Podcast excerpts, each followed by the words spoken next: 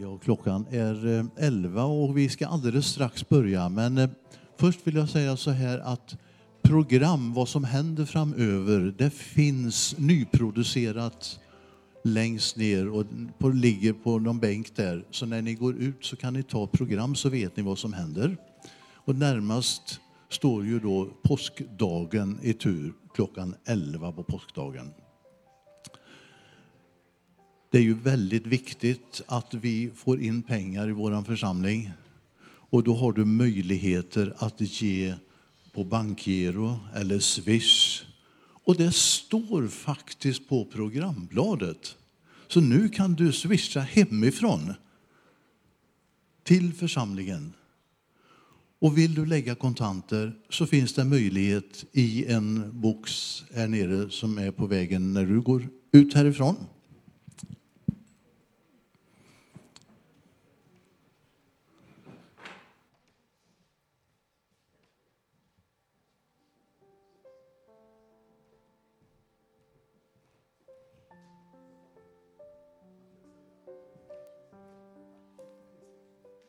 Jag vill bara säga en liten grej. När jag kom in så tyckte jag det var så fint med alla blommor och blader.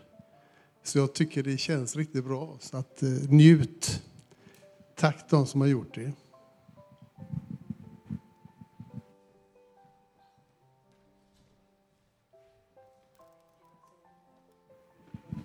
Och då kan jag säga vilka det är. det är Ida Gabre, Josefin Karlman och Agneta Servall. De har fixat.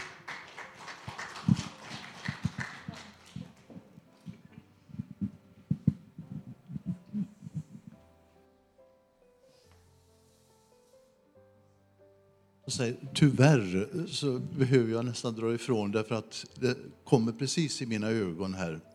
Vi får ha förståelse. Solen är fantastisk, den värmer oss och värmer våra sinnen. Välkommen till långfredagens gudstjänst. Och idag ska vi prata om vad som hände för 2000 år sedan. Lång tid tillbaka. Vi ska varva bibeltexterna med sånger som hör ihop med påsken och påskens budskap. Och jag har så fantastiskt fin hjälp idag. Lars-Göran Dahlén heter jag, många känner mig kanske. Idag har vi en enastående trio. Här sitter ju Rebecka Ternvall, Linn Viktorell och Lovisa Persson än så länge. Och så ska vi få mera hjälp. Elin, hon heter Dahlén i efternamn. Och så på bänken här framme har vi också Britt Karlsson. Vi ska hjälpas åt med den här gudstjänsten. Både bibeltexter och sånger de är ju väldigt beskrivande och målande. Det är nästan så att man kan se den här miljön framför sig. Någon kanske också har varit i Israel och då är det ju ännu lättare att liksom föreställa sig de här bilderna, att de återspeglas i sitt minne, i sitt inre. Jerusalem, Oljeberget, de gamla olivträden. För mig var den mest fantastiska upplevelsen att sitta i en båt på Genesarets sjö.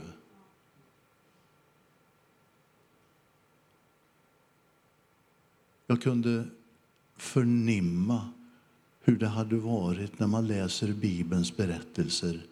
När Jesus steg i båten och så seglade man ut på Genesarets sjö. Jag kunde känna som att det nästan var igår, eller det var båten jämsides med mig. Det är fantastiska bilder.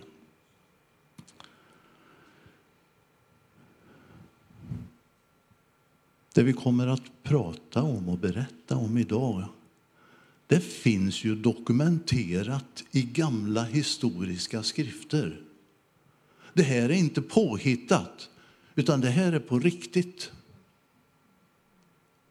Det som hände har historieberättarna skrivit om också.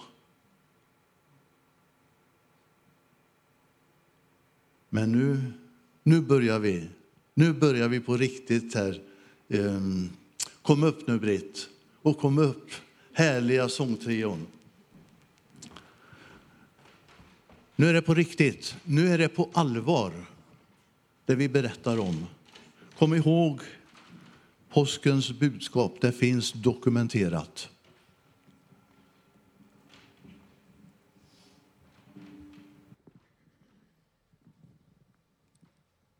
vi kommer sjunga 453 om ni vill slå upp i psalmboken. 453.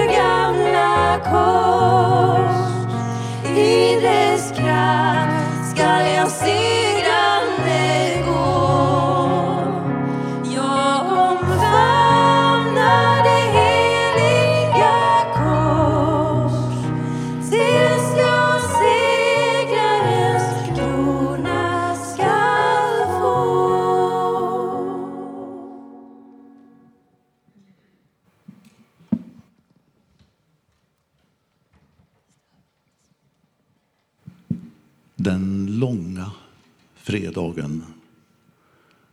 Nu var det tidigt, tidigt på morgonen.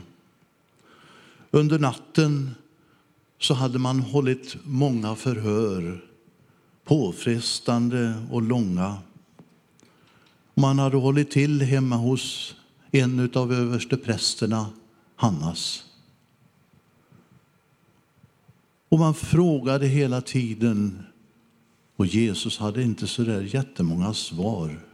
Men man ställde frågan till honom, vad lär du ut egentligen?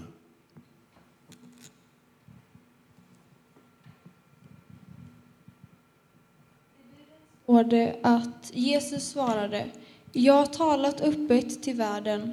Fråga dem som har hört vad jag har förkunnat dem. De vet vad jag har sagt.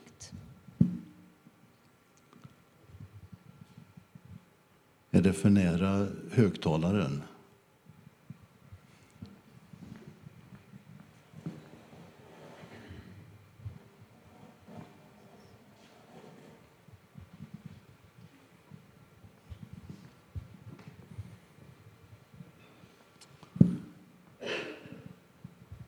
Och efter det så skickade man Jesus vidare. Man visste inte vad man skulle göra egentligen, men nu skickade man honom vidare till översteprästen Kaifas. Och så höll man en rättegång som var fullständigt galen, helt regelvidrig. Man höll den på natten. Det fanns inga vittnen. Och domarna och åklagarna de var inte ens överens om vad man egentligen skulle anklaga Jesus för. Ändå så dömde man honom mitt i natten. Och det var ju helt galet därför att den judiska dagen hade inte börjat.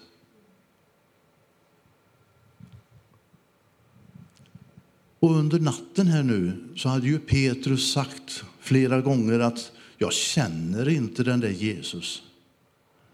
Vi kan säga att Petrus han var ganska rädd. Han såg ju hur de behandlade Jesus. Och så tänkte han, nej, så vill inte jag bli behandlad.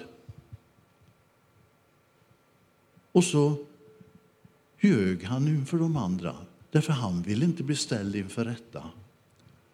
Men så började ljuset att komma och tuppen hade vaknat.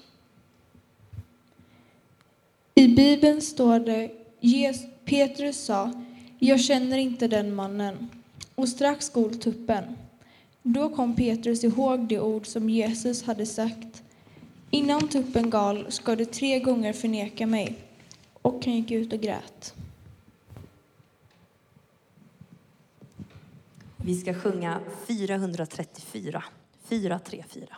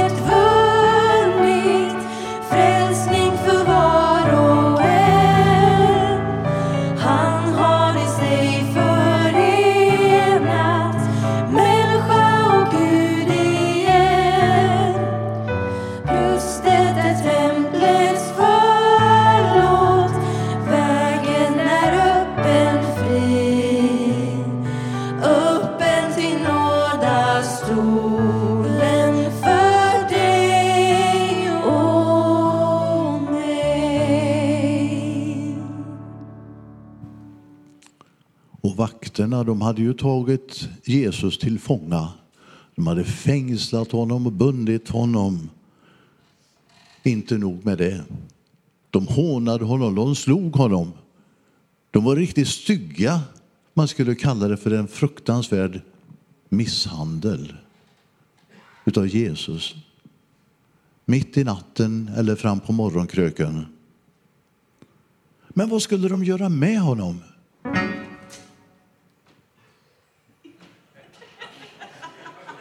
Det är väl härligt när Britt deltar i detta. Och jag kan tänka mig att det var en liknande upplevelse. Man visste inte vad som skulle hända på natten. Och när de höll på med misshandel och rätt som det var så kom det ett dån eller någonting. Överste prästerna, de var helt vansinniga på Jesus. Och framför allt så gillade ju inte översteprästerna när Jesus berättade om att han är Guds son. Folkets äldste frågade Jesus, är du Messias? Jesus svarade, om jag är det tror ni det inte. Om jag frågar er svarar ni inte. Men hädanefter ska Människosonen sitta på Guds, den allsmäktiges högra sida. Och nu när man hade hållit på en stund så förde man Jesus vidare till landshövdingens palats. Det var ju så här att Israel var inget självständigt land utan det var ockuperat utav romarna. Och därför så kunde man inte bestämma över allting själva utan vissa saker var en landshövding tvungen att ta ställning till. Och det var bland annat när det gällde dödsstraff. Vi kan läsa i Bibeln om de äldste. Och det var ju den här gruppen som var väldigt dominant, dominerande. De bestämde, de talade om hur saker och ting skulle vara. Och det var ju de som anklagade Jesus. Och de anklagade honom för att förleda folket. Och det var ju falska anklagelser, det här med att betala ingen skatt till kejsaren. Och det var ju bara påhittade saker. Men det sa man bara för att den här landshövdingen som hette Pilatus, för att han skulle bli arg och liksom aggressiv och tänka Jesus, ja men honom måste vi döma till något väldigt starkt och hårt straff. Men ganska snart förstod Pilatus att Jesus är helt oskyldig.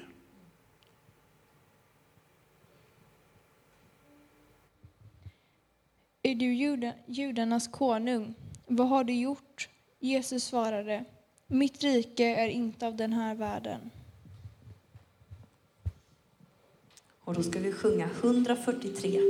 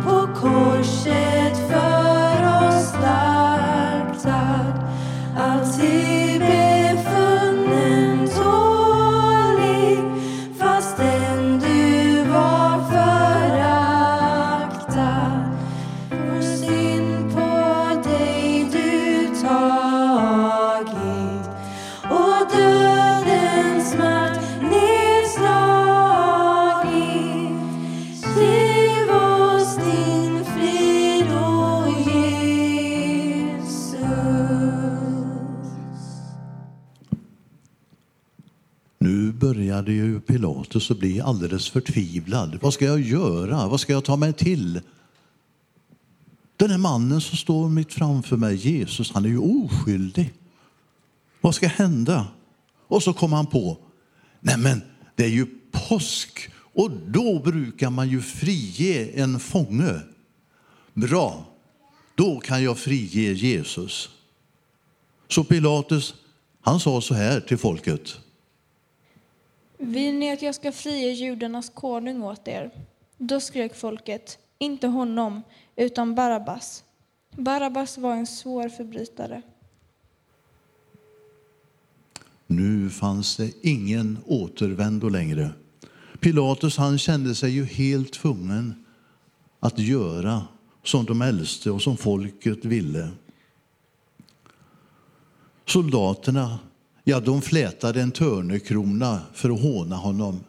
De satte på honom en mantel.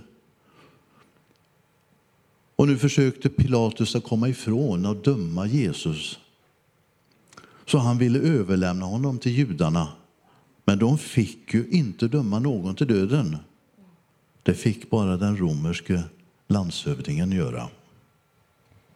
När översteprästerna och tjänarna fick se, att Jesus, fick se Jesus skrek de korsfäst, korsfäst. Och nu blev ju Pilatus riktigt förskräckt. Han gick in i sitt palats i pretoriet. Han frågade Jesus, var kommer du ifrån? Men Jesus svarade inte. Pilatus försökte verkligen att frige honom. Men när människorna var aggressiva och skrek och hotade Pilatus att han inte skulle vara vän med kejsaren om han inte gjorde som judarna ville. Till slut så frågade Pilatus en andra gång. ska jag korsfästa eran konung. Och en korsfästelse, det var ju det värsta straffet som fanns på den tiden. Det var ju alldeles fruktansvärt att bli uppspikad på ett kors. Men nu fanns det ingen återvändo. Nu skulle man gå till den platsen där man korsfäste människor. Den platsen heter Golgata. För att Jesus skulle kunna spikas upp på korset så hade man ett stort och tungt kors. Det fick Jesus själv släpa med sig så gott han kunde. Det var tungt, det var jobbigt, det var en liten svag uppförsbacke. I och för sig inte så vansinnigt långt, en halv kilometer eller någonting. Men det var oerhört påfrestande. Man kallar den här vägen för Via Dolorosa, smärtans väg. Och vi kan bara föreställa oss hur det kunde se ut och hur det var. Det var tungt, det var påfrestande. Jesus han orkade inte detta. Han hade ju blivit misshandlad innan. Så han fick hjälp utav en annan man att bära korset. Och så spikade man upp Jesus på korset. Och då säger han så här. Fader, förlåt dem, ty de vet inte vad de gör. 533.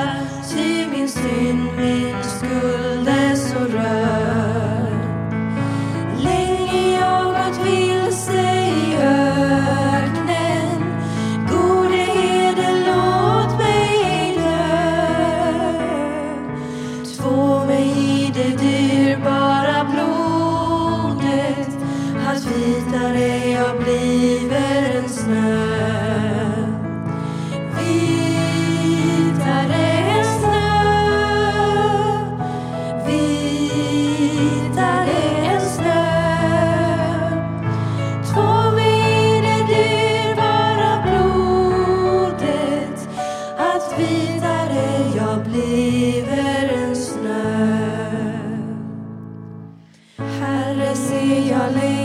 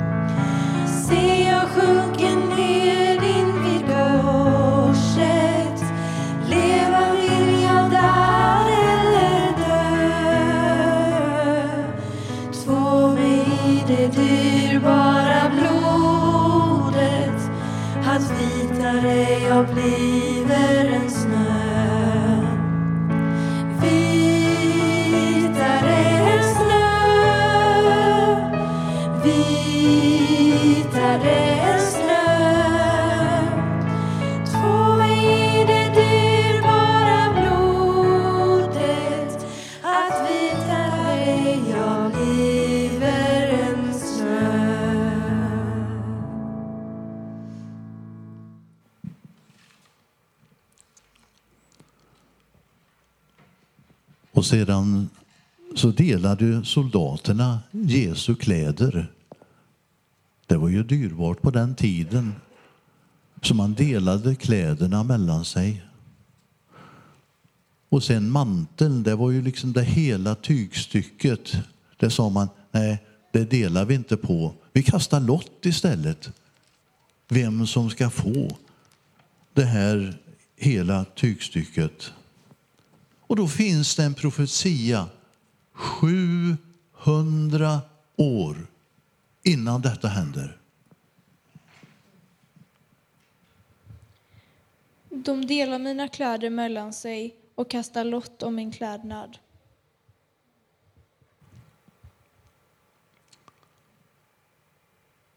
Tillsammans med Jesus och korsfästes ju två andra brottslingar. En av dem han förstod att det här är ju helt fel. Den här Jesus han har ju inte gjort något ont. Och så säger han till Jesus så här. På mig när du kommer till ditt rike. Jesus svarade.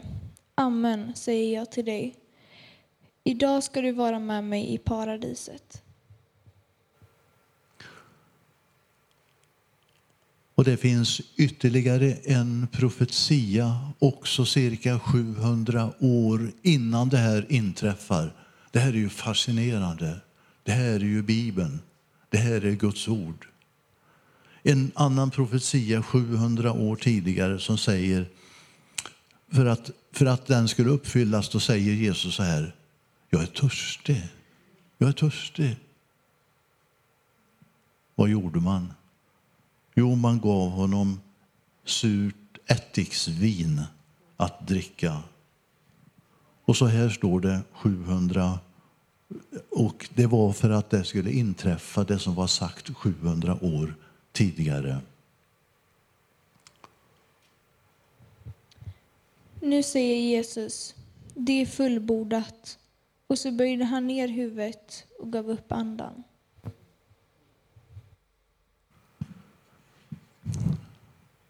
Det här var ungefär mitt på dagen, alltså den långa fredagen. Mitt på dagen så inträffade detta att det blev fullständigt mörkt.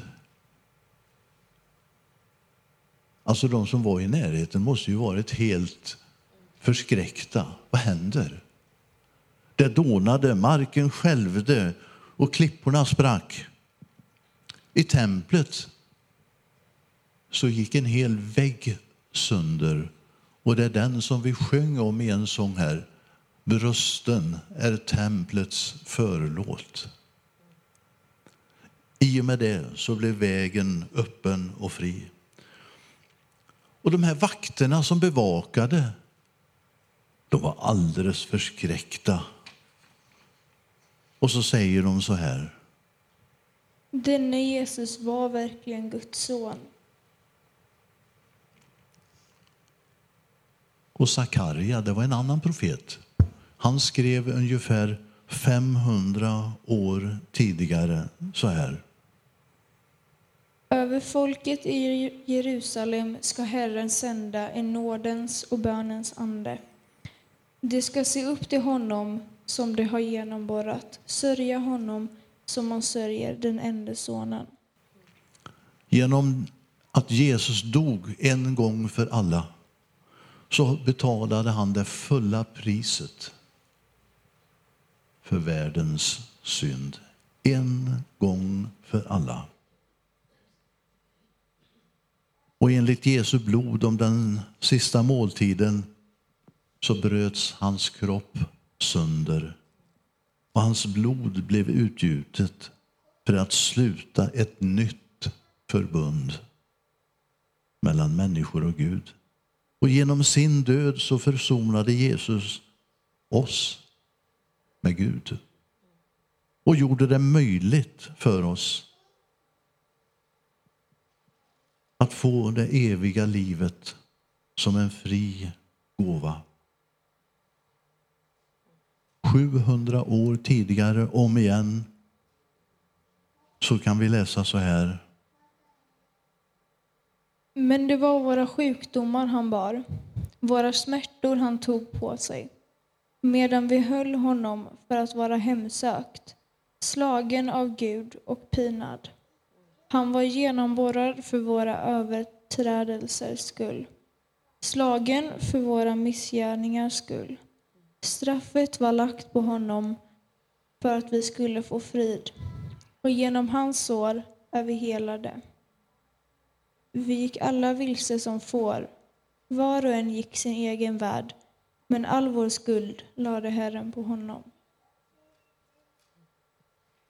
Och så begravde man Jesus i en grav som man hade huggit upp i en klippa. Och man rullade för ett stort stenblock för ingången. Nu skulle ingen kunna komma in i graven. Det var kväll och snart började sabbaten. Maria från Magdala och den andra Maria var där, och de satt mitt emot graven. Nu ska vi sjunga den allra sista sången och vi låter den få vara själva avslutningen. Det finns kokat kaffe, en liten enkel kyrkfika för att träffas och pratas vid. Den sången vi ska sjunga kan du bära med dig hem när du tar ditt eftermiddagskaffe eller Coca-Cola och chipsen ikväll. Så kom, låt den här sången få vara levande för dig. Jesus för världen givit sitt liv. Öppnade ögon, Herre, med giv. Mig att förlossa offrar han sig då han på korset dör och för mig. O, vilken kärlek, underbar och sann. Aldrig har någon älskat som han.